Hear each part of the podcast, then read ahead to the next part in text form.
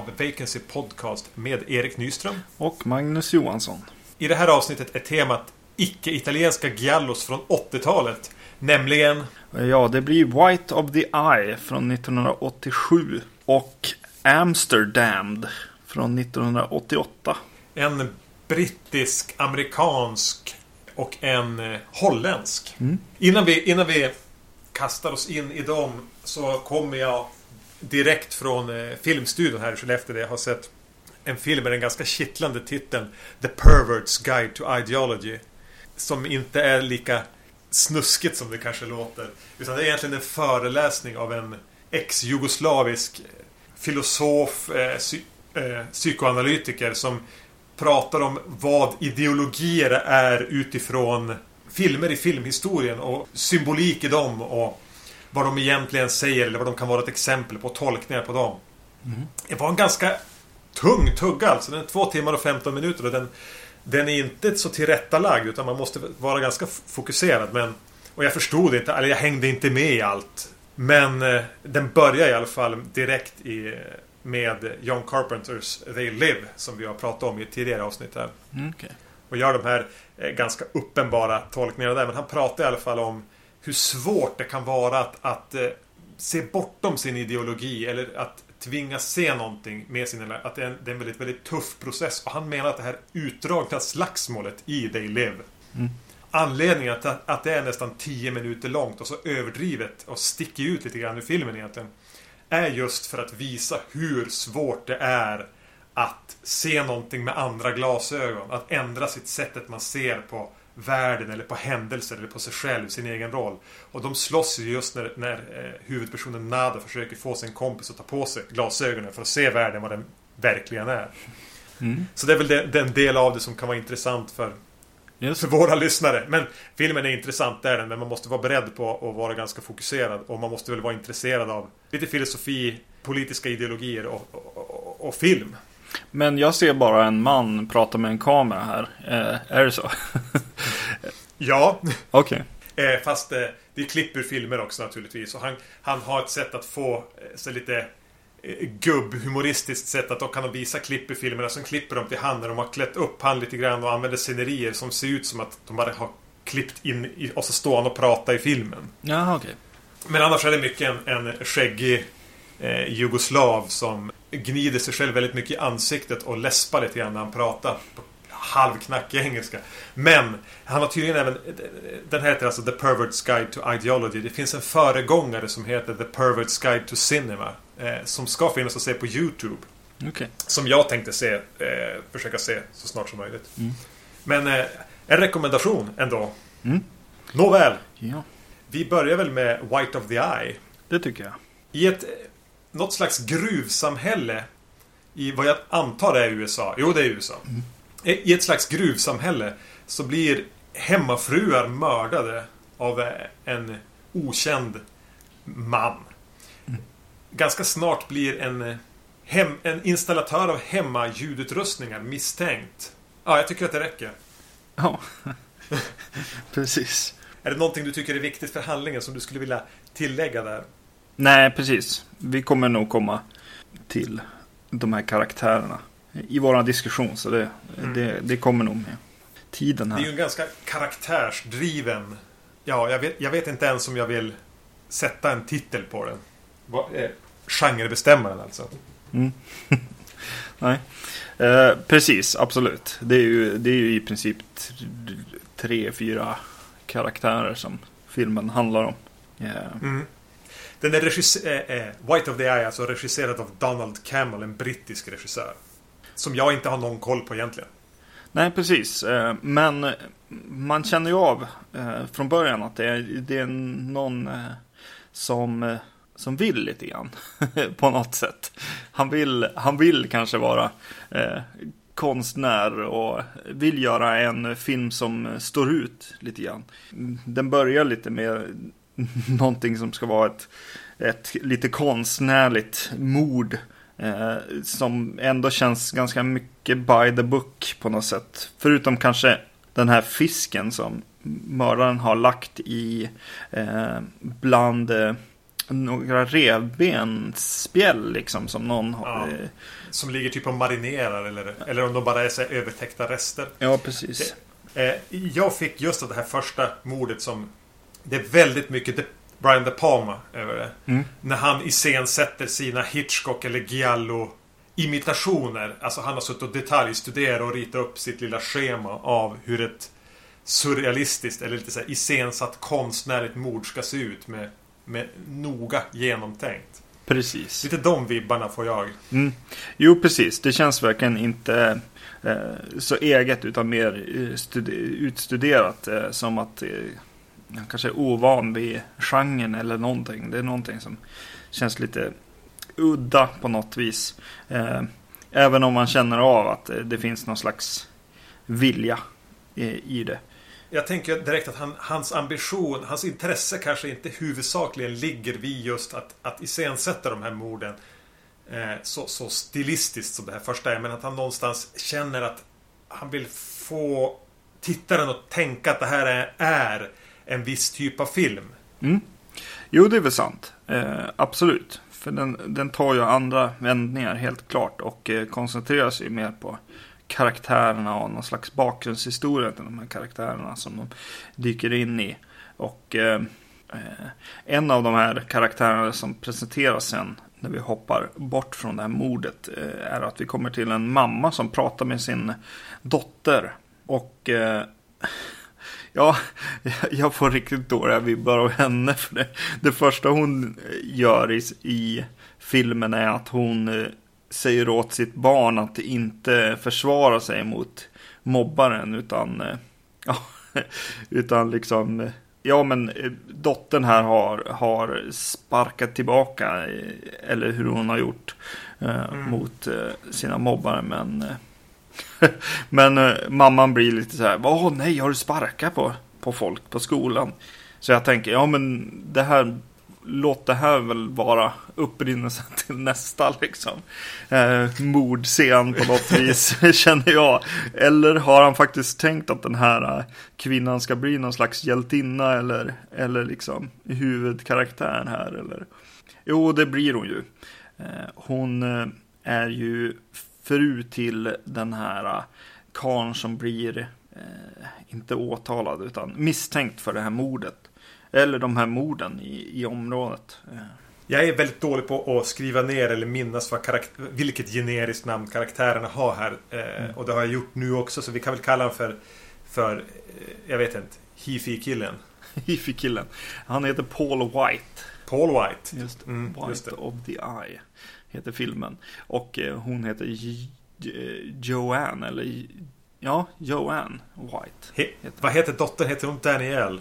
Danielle White, yes. Ja. Det mindes jag. Mm. Eh, spelas av Daniel Smith. Utöver den här familjen som är med så, så dyker det upp, också upp en bakgrundshistoria till den här. ehm, eh, hur de träffades.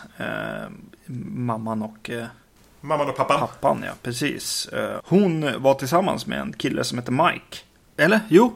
Eh, Jo. Och så kommer den här mannen... Hifi-killen. den här Paul White kommer in i deras liv. Hon och Mike är ute och kör bil. Deras radio går sönder. Delar bandspelaren går sönder för hon är lite less på vad han spelar på radion. För Han musik. spelar typ di- något disco. Typ så hot chocolate disco. 70-tal. Ja, precis. Och, och eh, hon råkar väl hälla en drick, någon dricka eller kaffe till, i den där maskinen. Eh, och eh, hamnar då hos Paul som lagar den här maskinen och det tar ett litet tag och de finner väl tycke för varandra. Och på den vägen är det. Så att Mike eh, kommer ju in i historien som, eh, som en eh, person som har förlorat den här eh, kvinnan. Han blir väl nästan ivägskrämd av eh, Paul här. Mm. Som vill visa hur... Jag menar att han är liksom mer...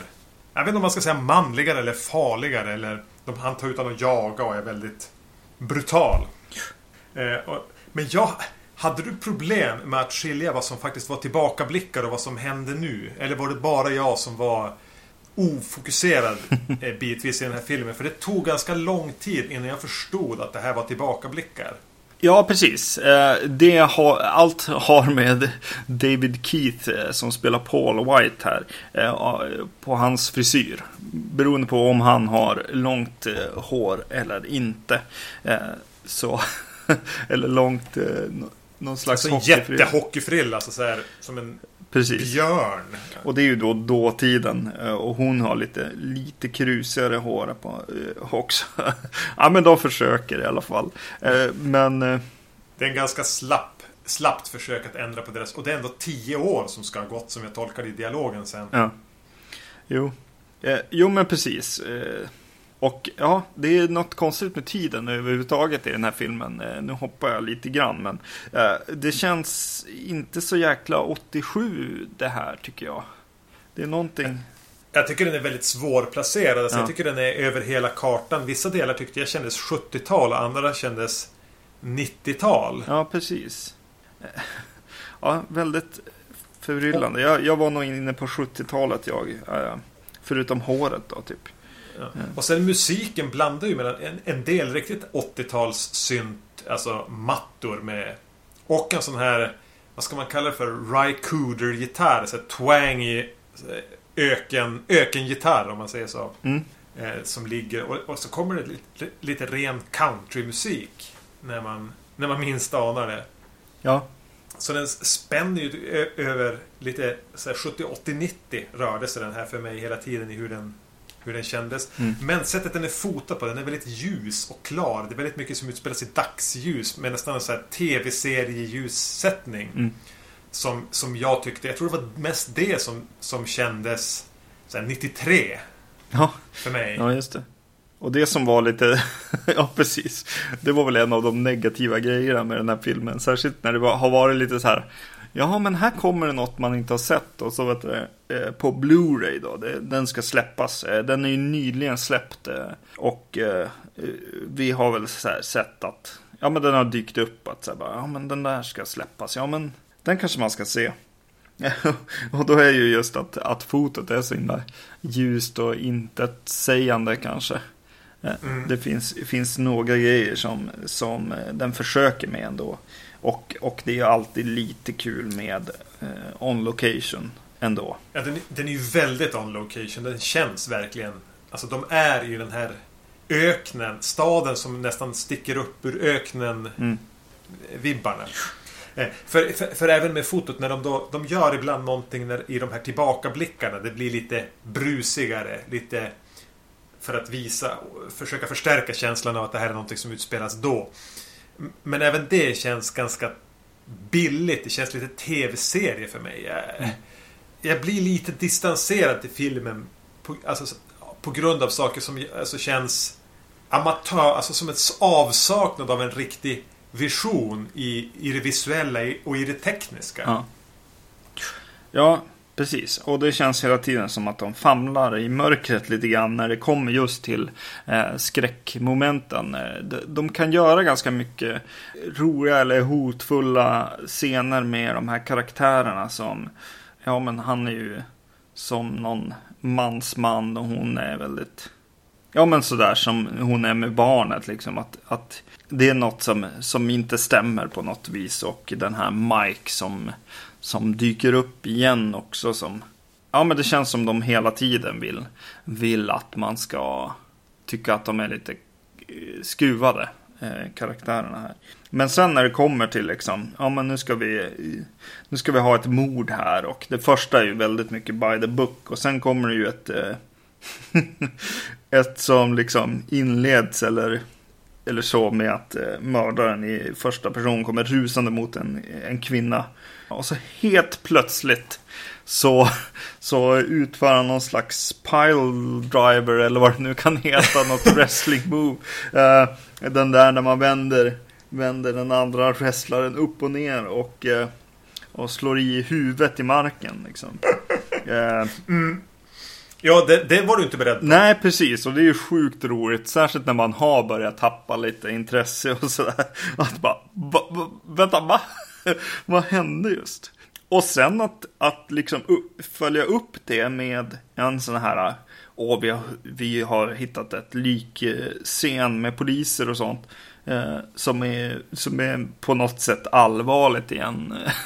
Nej, det blir, det blir lite sjukt. Det känns som att den här eh, regissören är lite så här eh, instabil. på något vis. Liksom. Jag, jag hade hela tiden känslan av att det här var en regissör som under 60 och 70-talet var i svängen. Mm. Jag fick så här swinging London-vibbar. Han var där och tog LSD och dansade på alla uteställena och var, kände alla de här rätta personerna och, och jassade runt och var så fruktansvärt cool under 10-15 år. Mm. Och tog otroliga mängder droger. Och sen någon gång under 80-talet så drogerna tog slut eller han kunde inte fortsätta och försöker liksom återknyta till någon slags verklighet. När drogerna är slut han, han är inte så jävla häftig längre. Och han försöker landa på fötter. Mm. Och, och, få ihop en film. Och att, att han har som luckor i sitt logiska tänkande. Att det, han försöker få ihop sin världsbild i den här filmen. Han försöker pussla ihop eh, allting som han har knarkat sönder under, under två årtionden. Mm. Eh, de vibbarna fick jag av att det är någonting som inte riktigt stämmer med mannen som har gjort det här. Mm. Jag var inte så himla peppad efter, efter jag hade sett den här filmen. Och framförallt eh, ganska långt in i filmen så kändes det som att oj, oj, oj, vad är det det här vi har väntat på att få se liksom. Eh, men eh, efter några dagar så har den som varit kvar i, liksom, i huvudet lite grann. Och, och, och just det här lite osäkra arbetet i, i den har gjort, har gjort det intressant för att tänka runt. För jag tänker hela tiden, ja men vad vill han? Vad vill han prata om? Och, eh, och sådär. Och, och det känns som det finns liksom, det finns något allvar eller någonting i den också. Jag vet inte. Uh. Ja men den har ju väldigt många märkliga idéer så här, halvt formulerade i sig. Mm. Och, och, man får inte riktigt grepp och jag får känslan av att regissören har inte riktigt heller haft grepp har inte riktigt heller haft grepp om dem. Mm. För att eh, hoppa in i det jag gillade så känner, känner jag ändå att jag gillar att det är en historia kring mord som händer runt om ett samhälle där folk blir mördade. Snarare än att det handlar om mord på något vis. Eh. Ja, mördarjakten och vem det nu är som mördar de här kvinnorna är ju inte det centrala egentligen. Utan den sveper över ganska mycket annat. Ja, med betoning på sveper mm. dock. Det här eventuella triangeldramat eh, mellan de här männen och kvinnan. Liksom frågor om familj och eh, trohet och, och sånt dyker ju upp. Och ja, nej men... Och så mixar den ju in ganska mycket så här märklig indianmytologi och, och vi får bilder på falkar eller hökar. Någon slags fågel som flyger från långt ut i öknen och in i det här samhället. Och mm.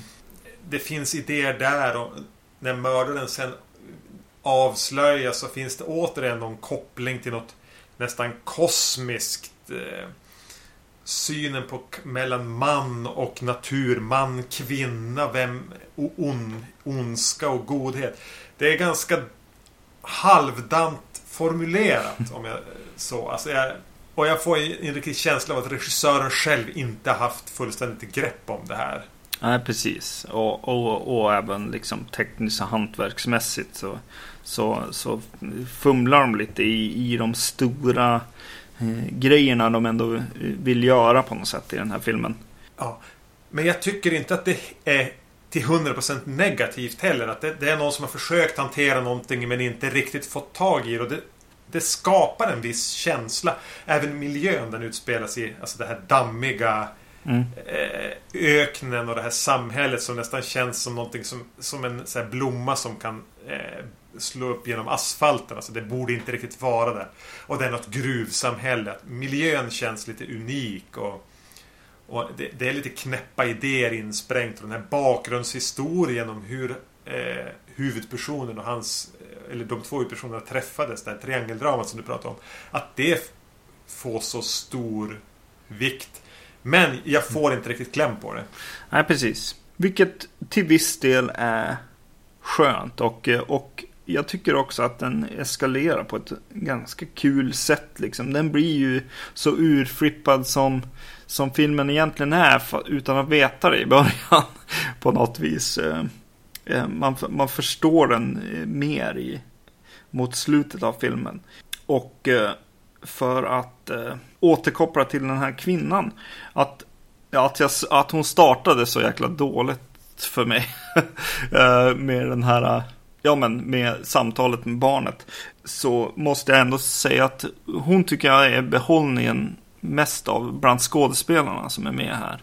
Jag, gillar, jag är bra att du tar upp skådespelarna för jag tycker att den här får slagsida på grund av David Keith. Mm. Som spelar huvudrollen. För han är inte bra. Nej. För mig är han med, alltså i, från en officer och en gentleman med Richard Gere spelar han Richard Geres lite så här gladlynt korkade kompis. Ja.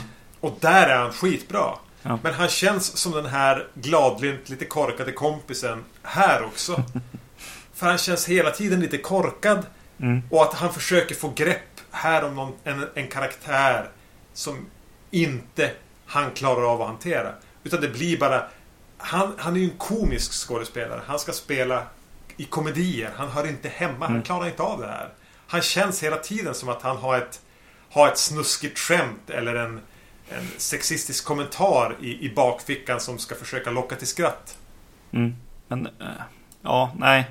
Eh, jag tycker ändå hon är den som liksom på något sätt får vara riktig. Eller, eller på något sätt. Hon, det känns som hon gjort, gör någon slags liksom Shelley Duvall roll på något vis eh, i filmen. Eh, eller hon spelar som henne lite grann i The Shining. M- möter en liten uttråkad eh, Jodie Foster eller, eller något. Eh, Har du noterat vem hon är? hon heter Kathy Moriarty, men jag vet inte vad hon har. Hon är med i Raging Bull, bland annat. Ser jag här. För, för det var ingen jag noterade. Men jag tänkte det i alla fall, precis som du, att hon är ju bättre än han. Ja, precis. Alltså kän, känns genuinare. Ja. Än att de bara har lyft in den här... Alltså Keith i den här känns som att han kom in som en ersättare för någon i sista minuten. Ja. För att han var i närheten och han var ett något sånär namn. Mm. För jag tycker han är helt fel. Den här Blu-ray-utgåvan som kommer nu av den här är ju ganska påkostad. Det, jag, Mm. Eller i alla fall tinnomslag och alltså plåtomslag och väldigt mycket extra material. Jag har inte kikat på någonting av det här men eh, du som brukar vara lite hungrigare efter kommentarspår dokumentärer eller har du tittat någonting på extra materialet? Kommentarspår har jag inte kollat på. Jag, jag började titta på eh, en sån här making of grej. Vilket var lite intressant. Eh, det visar sig ju att just den här regissören är lite sådär, vill spela på folks känslor och sånt. Eh, han hade tydligen anställt två, alltså vad heter det, DP, eh, Director of Photography. Eh, på den här filmen. Så, så när de hälsade på varandra, bara, ja men hej jag är the director of photography på den här filmen. Bara, nej, det är jag som är det. så eh, efter de hade pratat med varandra så var det tydligen så att de, de var så här bara, ja men ska vi göra det här? Ska vi bara gå härifrån? Eller hur ska vi göra liksom? Och till slut blev det någon slags samarbete där ändå. Vadå, är det två fotografer på filmen så att de hjälps åt eller? Uh, de är, en är krediterad för typ ljussättningen och en är krediterad för uh, kameraarbetet i slutändan. Men, Jag fick ju, fick ju känslan att den är ganska mycket fotad i naturligt ljus också. mm, ja, nej jag vet inte. Vilket kanske säger någonting om vad den andra killen gjorde. De kanske var less då. Efter att uh, det här hände. Jag är både bitvis lite uttråkad av White of the Eye och eh, ointresserad av den kanske snarare. Samtidigt som jag kan gilla det här att den känns lite unik i, i, i infallsvinklarna den har med sin miljö och att den är ganska pratsjuk och absolut inte förutsägbar. Så den hamnar i en märkligt läge där jag är lite så här, ja, mm. Eh, jag blev inte golvad av den här som eh, Possession som vi såg här tidigare. Som var, kom, kommer som den här o, o, mästerverket från ingenstans. Mm. Och jag tror att jag hade lite för höga förväntningar på White of the Eye. Ja men precis, det hade ju jobbats upp lite grann bara för att den var på så här, Amazon. Att så här, ja men den kommer om några månader. Så här. Men, Ja, vi, både du och jag tror jag hade förhandsbokat den här. ja. Så lite, lite väl eh, för, för intresserade kanske av att se den här. Eh, kanske vi var. Eh, men jag vet inte om vi ska lämna den filmen.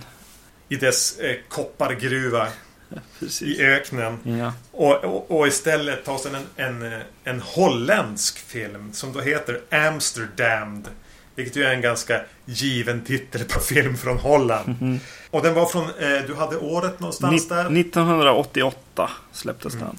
I regi av Dick Maas. Mm. Och eh, tydligen är alltså Amsterdam en stad med väldigt mycket kanaler. Precis som Venedig. Det visste inte jag.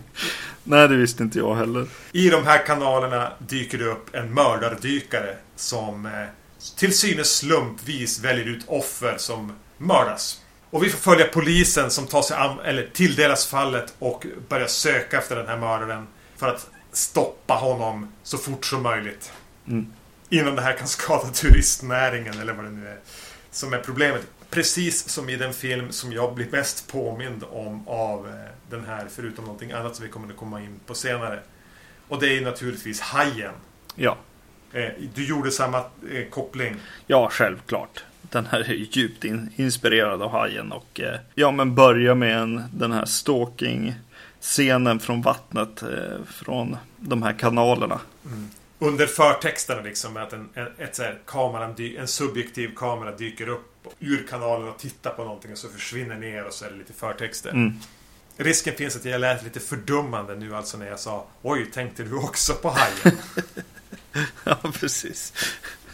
Den är nog ganska självklar. Ja, jag gillar ju den här början. Eh, Jag gillar Hajen-referensen. Jag gillar vad heter det? det här med stalking från vattnet, liksom från ner, nerifrån. Eh, Tittandes upp på, på människor som går omkring på gatorna är eh, lite intressant. Det känns som att ja, men här skulle faktiskt kanske mördaren inte eh, synas eller liksom så, särskilt på natten så. Eh, Ja, men, att det är visuellt häftigt också med, med, med, med liksom det här mörkret och så ur, ur ett ännu djupare mörker dyker det som bara upp och tittar på människor som går utanför och så är neonskyltar och, och sen nattlivet med bilar som kör över en bro i bakgrunden. Taxibilar och människor på väg hem efter krogen. Eh, Den, så början är ju bara, ja men det här sätter det ju. Det här är ju som början på hajen när hajen bara åker längs havsbotten med den här musiken. Mm, och precis. Och hajen möter eh, euroskräck i det att eh, ljussättningen är ju väldigt mycket färger. Det är extremt blått månljus som är liksom starkare än solen i princip. Och just det här eh, kontrasten då till typ Red Light District eller vart de är. Jo men det är de ju. Ja, man tänker ju på det med Holland också med, Mm. med, med de bitarna. Precis. Så att eh, man, man får ju lite skön känsla här. Ja, Jag tänker verkligen bara, jag bara säger yay, dykargiallo. Mm. Av, av subgenrernas sub, subgenre måste det ju vara den häftigaste. Mm. Till saken hör också till den, den DVDn som jag såg var väldigt så här. eh, Är det en VHS jag ser på eller? Alltså det var väldigt så här. Har du också den här eh, Den gula. Mm. Ja, en gul DVD. Nu har jag tappat namnet på dem. Är det Sha- Shameless? Shameless, Vad heter? Ja, den har den här lite muggiga Ja. looken. Som, som jag tycker gör filmen en ganska stor tjänst. ja. Framförallt under, under de mörka scenerna. Mm. Sen precis så är det ju Amsterdam den här heter. Och eh, eh, när de väl börjar komma in i historien och det kommer vad heter det, Eh, in polisen här och, och så, så, ha, så tar de en liten break. och visar eh, helikopterbilder. Som, eh, där de flyger över Amsterdam och verkligen visar de här kanalerna. Eh, visar hur det är i princip en, en reklamfilm eh, för Amsterdam. Där man får se hur allting hänger ihop och, och det, det är otroligt bra för, för mig som inte kände till hur, hur staden faktiskt såg ut. Eh, att Nej, jag hade ingen aning om det här, så jag håller med. Det blir liksom nästan som i en bok där, där de börjar boken med att rita en karta över staden den utspelas. Mm. Alltså det är så här att, jaha, ja men det här visste jag inte om den här stan. Nej. Eh, ja, eh, vi får naturligtvis ett mord i, i den här introsekvensen Ja. också.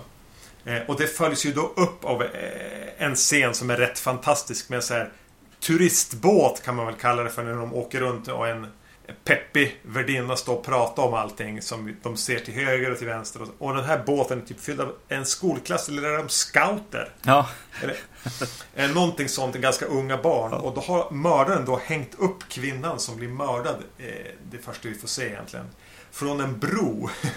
Båten här, de sitter inne i den, är tydligen består till stor del av glas. Så de kör på kvinnan först. Så att hon trycks upp mot frontrutan. Och sen kör båten vidare hon släpas över hela liksom, båten full av skrikande barn. Ja. Och lämnar ett blodspår över. Och det är så här, ja men både lite roligt nästan i sin makaberhet och, och väldigt effektivt. Ja. Där var jag också riktigt så här peppad. Jag associerade mest till avsnittet av Simpsons när Homer blir... De har byggt en ny glaskyrka. Och han eh, hänger från en blimp och blir dragen över det här glastaket naken. Det tänkte jag mest på. Ja. Men om man bortser från det här lite komiska att det är barn som skriker där inne. Och det, här, det blir lite så här härligt... Ja, men härligt obscent på något vis. Mm, och det slutar också i, i eh, en... Eh, alltså att den är öppet vid, ett- vid ett eh, ställe i den här båtens tak.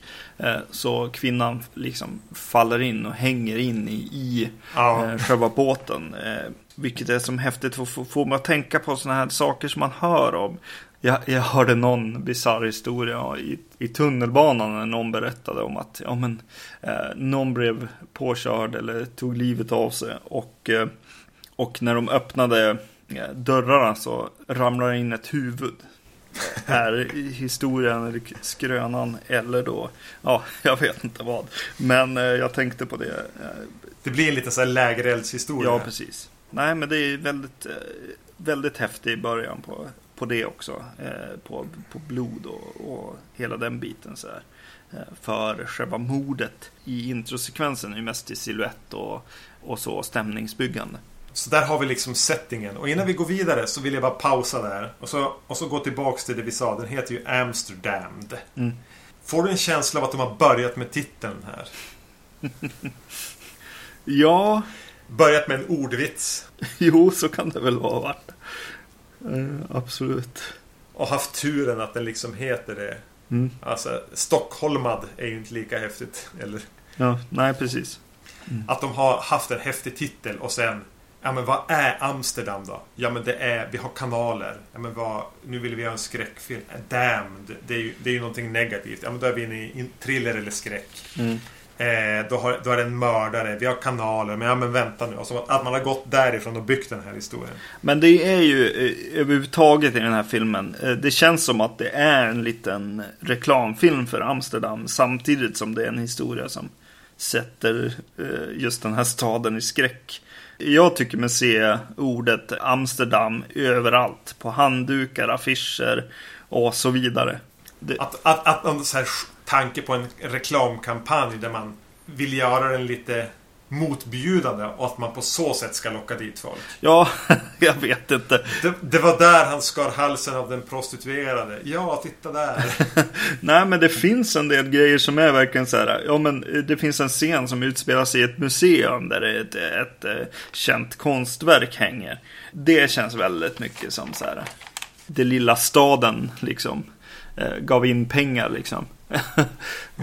Ni kan väl ha lite sådana landmärken och li, lite sådana så här turistgrejer med i filmen. Den är förmodligen ganska finansierad av det holländska motsvarigheten till SF. Jag menar Jönssonligan tänker jag på när de gör någon stöt mot Ikea. Mm. Och de klättrar ute på Globen. Det är lite de vibbarna man får. Mm.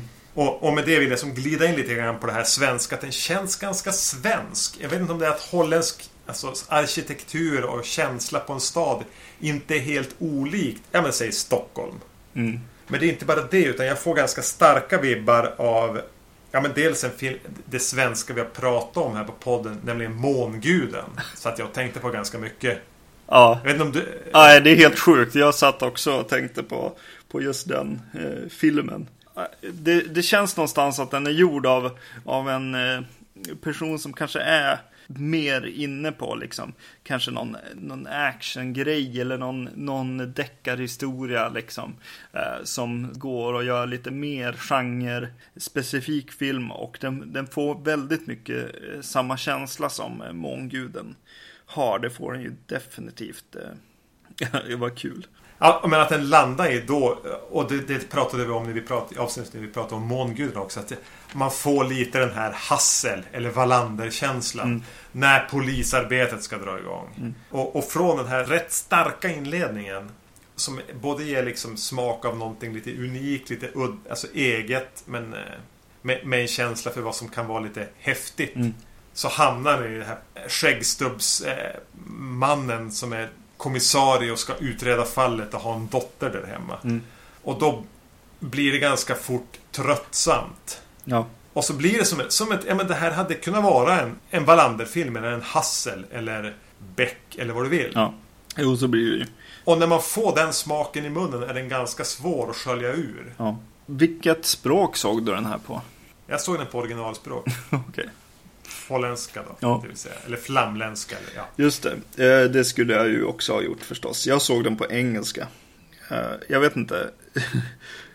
det, det finns en, en pojke som dyker upp som är kompis med den här dottern, eh, polisens dotter. Som tycker sig kunna liksom ta kontakt med de döda och kanske ha Ja, ja precis. Han, han är synsk. Han, han är synsk. Mm. Och i den engelska eh, dubbningen så är, har han typ den manligaste rösten jag någonsin har hört. Det var verkligen skrattretande. Uh, och de ska föreställa vara så här tidiga tonåren ja. någonstans. 15 möjligtvis. Jätteroligt. Och hon bara ja, ja, ska vi göra det här nu? Och han bara Åh, jag vet inte.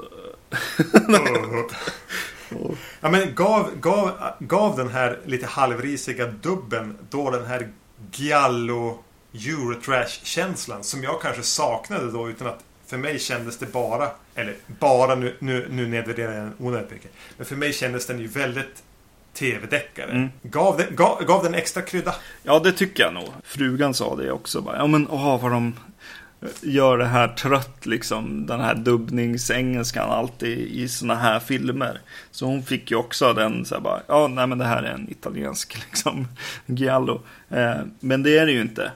Jag eh, hamnade i samma eh, lunk som du gjorde och kände att så här, bara, ja men åh, eh, visst så här, det dyker upp några roliga till dödsscener. Det, blir ännu mer Hajen-inspirerat vid något tillfälle. Något forskare eller vad det är som är och tar några vattenprover typ. Och så, och så blir de attackerade från något under vattnet. Och, och musiken som spelas då är bara som nästan tagen ur Hajen. Ja. Eh, och då blir det ännu tröttare på något vis också. Även om den började starkt så här. Men jag tycker att den eh, vänder igen. När vänder den igen? jag... Är det när, när de för tredje gången säger vi måste ni måste lösa det här nu. Det här skadar turistnäringen. Nej, precis. Vändningen kommer när eh, den börjar kännas lite dyrare igen. Det kommer in en båtjakt Ja, den är ju fläskig. Den är ju nästan Bond-kaliber. Det måste jag hålla med om. Precis, den är otroligt häftig. Och, och de åker mellan liksom, eh, broarna där som är väldigt låga. Och så har de flera valv så här. Och, och kamerabåten åker genom ett av valven. Och eh, båten de ska filma genom ett annat. Och, ja, men det, jag tycker det blir jättehäftigt där faktiskt. Och eh, att den får, den får fart igen med det här. Och, eh, och det känns som man inser att eh, regissören här är ju en actionregissör. Snarare än en, eh, en, en skräckfilmsregissör. Och... Ja, men jag brukar ganska fort bli uttråkad av biljakter eller jakter. Det är inte min grej i filmer. Men jag, den här, kanske för att den kommer lite grann oväntat och är så pass lång som den är. Och kändes helt plötsligt som att det var här de hade lagt pengarna så blir den den väckte mig lite grann. Jag tänkte, det, det är nästan, förutom inledande sekvensen eh, tills den här kvinnan faller in genom takfönstret på båten. Mm. Så är det ett stiltje fram till, fram till den här jakten som är rätt häftig. Just att den även visar Amsterdam. De, de kör någon bilar på, på gatorna samtidigt. Och mm. Det är en rafflande jakt. Ja, precis. Det tycker jag. Och eh, tycker att det blir ganska kul så här. Ja, den, den kommer tillbaks till något slags eh, så här när de försöker göra någonting spännande i början av en Wallander-film igen. Liksom. Men, eh, eller i slutet av en. Men eh, ja, jag vet inte. Jag, jag, för mig så låg båtjakten kvar och eh, eh, då kändes det här. Eh, då kändes det helt plötsligt som att jaha, jag ska ha lite kul och överseende med, med det här tråkiga på något vis. Att det är lite set pieces grejer. Ja, precis. Och utfyllnad mellan om ja. regissören vet om det. Ja, mm. precis. Men det kommer ju lite för sent och det är ett alldeles för stort eh, glapp emellan. Det är det ju definitivt. Eh. Men det är kul att den går från hej, hur är det man gör en skräckfilm nu igen till att bli lite så här underhållande eh, action efter ett tag. Och jag, jag tycker också att den här grodmannen, ja, alltså mördardesignen ändå kunde ha varit ännu tråkigare än vad den var. Mm. Det var något lite häftigt med den, med vad det, vilken groddräkt de hade valt och att den hade lite bälten och lite spännen så att det inte bara blev helt eh, ja, men, torrt och tråkigt eller platt och, och tråkigt så. Så det tyckte jag också om och det var lite kul när det, när det dök upp i jakter också när man när man får se liksom Nej men det blir lite som att Michael Myers är med i en biljakt liksom. Eh, jag kunde däremot känna att när vi väl kommer till så här, Le Grande Finale, avslöjandet, vem är mördaren, varför? Eh, så spelades hela det som en avtoning. Ja. Och hela finalen som kommer efter den här jakten, som är ganska lång då. Mm. Har man ju redan slutat bry sig för då har ju fått sitt crescendo. Ja, precis. Och så ska, den, ska de försöka få igång någonting igen och det är ju hopplöst. För vi är ju i mål redan. Vi har ju redan fått en en båtjakt som mäter sig med ganska mycket som är rätt häftig. Mm. Ja. Eh, så att då har man ju klipp, alltså knytt upp det på något klipp där. Ja, liksom. Vi fick aldrig veta vem det var. Eller låt, ja. Ja, precis. Absolut. Och där börjar jag så här bara, okej. Okay, fin inredning och häftigt hur det här sitter. De här två rummen sitter ihop med varandra och sådana grejer liksom. Snarare än liksom så ark arkitekturisk eh, beundran av filmen snarare. Snarare, ja precis. om historien eller hur det går för de här karaktärerna. Jag blir lite full i skratt när jag sitter. Jag har alltid anteckningar under filmen. Mm. Eh, ganska få på den här. Och sen hade jag låtit mitt kollegieblock ligga i soffan tydligen. För nu upptäcker jag att min sambo har, har, har plitat in Försökt smyga in en kommentar. Mm. Där det står i övrigt skitbra! Utropstecken. Oh. Ska vi summera med det då? Att stanna Vi stannar där. Ja, precis. I övrigt är den skitbra. Ja. Eh, och eh, för mig så var ju var nog det här mer underhållande medan jag såg den. Medan kanske White of the Eye kommer ligga kvar och kanske dyka upp i huvudet igen. Att så här, oj, det där, det där var konstigt. Medan det här är bara, bara så här slötittarfilm lite grann. Förutom vissa scener då i början och eh, den här jakten. Jag, jag skriver under på det tre gånger. Mm. Det blir ändå ingen rekommendation egentligen av någon av de här filmerna. Tyvärr, jag hade högre förväntningar på det här. Ja. Är det egentligen så att Giallo ska göra sig i Italien? Eller är inte det här Giallos? Vi kan låta den frågan hänga kvar lite grann i luften. Ja. Man kan ju till exempel svara på den på Facebook där vi finns. Eller på vår hemsida vacancy.se. Man kan skriva in till oss på podcastetvacancy.se med liksom frågor, förslag och annat man vill eh, kommentera. Naturligtvis finns vi även på filmfenix.se. Tack och hej!